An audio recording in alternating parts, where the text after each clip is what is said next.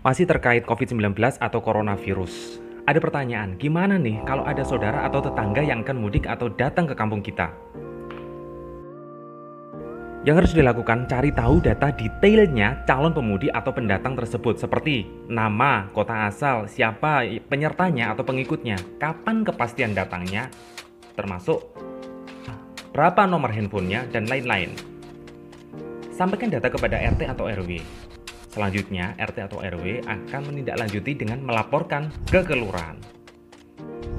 Langkah ini untuk memudahkan pemerintah memantau keberadaan sekaligus kondisi kesehatan pemudi atau pendatang. Sehingga pemerintah, khususnya pemerintah daerah, diharapkan dapat membuat kebijakan yang tepat sasaran. Seperti menyediakan tempat observasi, isolasi, layanan medis lanjutan, dan intervensi-intervensi lainnya Mari bersama kita dukung kebijakan pemerintah ya supaya badai corona ini cepat berlalu.